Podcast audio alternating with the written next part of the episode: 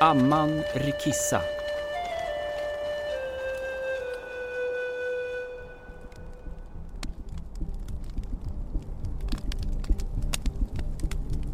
Ja, nu är festen i full gång. Och än så länge verkar alla tillfreds. Fulla och glada. kan det vara möjligt?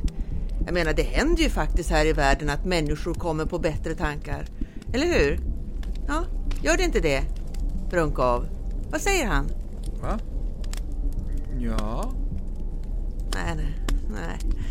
Kanske begär jag för mycket. Jag känner dem ju som sagt allt för väl och har man fött upp och fostrat dem och sen sett dem växa upp så vet man också vad som bor i ens egna barn. Erik och Valdemar har alltid varit avundsjuka på sin bror.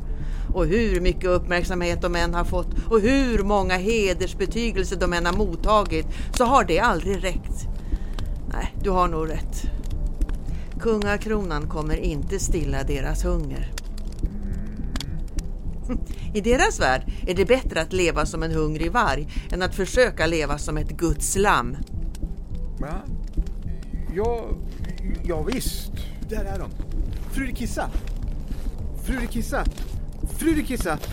Hertig Valdemar insisterar på att han, hertig Erik och lille Magnus ska få varsitt ollonsvin trots att dessa är reserverade för ärkebiskopen och hans följe som morgonmat imorgon. Det får vänta Leif.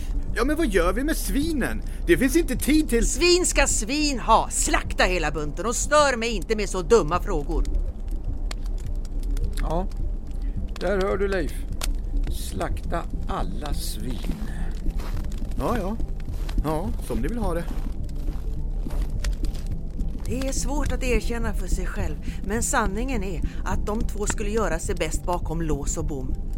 Ja, jag må bara vara en gammal amma, men även jag ser deras ambitioner. Ska jag ge ett gott råd till alla nyblivna mödrar och fäder så är det att de hellre borde kvitta sig sina illusioner om sin avkomma. Hellre förr än senare. Det kommer att spara dem mycket sorger och bedrövelser. Så sant. Det borde ju vara solklart för alla att det bara finns en rättmätig arvtagare till riket och det är Birger och Märtas egen Magnus.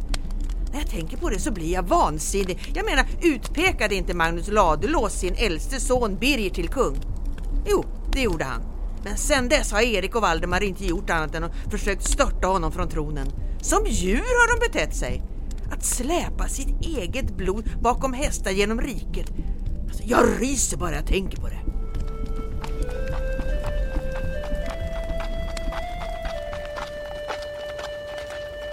Det här är en podd av Teater Sörmland.